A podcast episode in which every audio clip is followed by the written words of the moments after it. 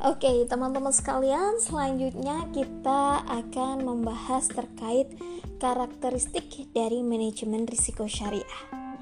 Apa yang membedakan manajemen risiko konvensional dengan manajemen risiko syariah? Yang membedakan adalah terletak pada apa yang dinilai, ya. Hal ini disebabkan perbedaan karakter operasional. Jadi begini teman-teman sekalian. Kalau dalam hal e, penghitungan manajemen risiko konvensional tidak akan dinilai maslahatnya. Tapi kalau dalam manajemen risiko syariah akan dinilai nilai-nilai dari maslahah mursalahnya.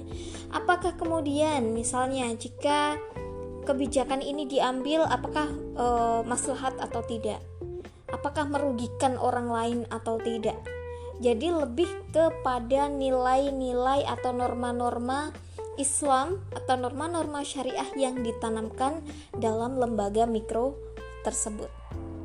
Secara umum sama pengendalian risikonya.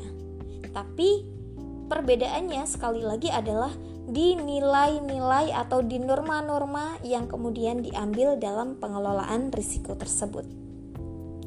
Nah, proses manajemen risiko itu teman-teman sekalian ada empat tahap.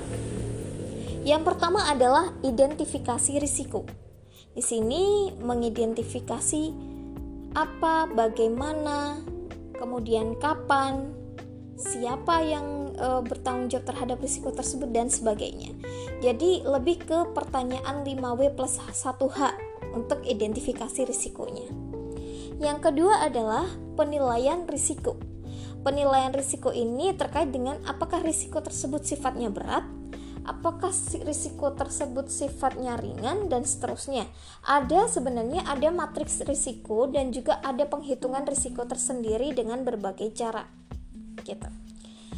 Yang ketiga adalah antisipasi risiko. Ini adalah bagian dari pengelolaannya ya, sudah. Dan yang terakhir adalah monitoring risiko. Jadi kalau misalnya sudah diantisipasi kemudian dimonitor, diawasi apakah risiko ini e, dampaknya selesai sampai situ atau akan masih berdampak secara terus-menerus.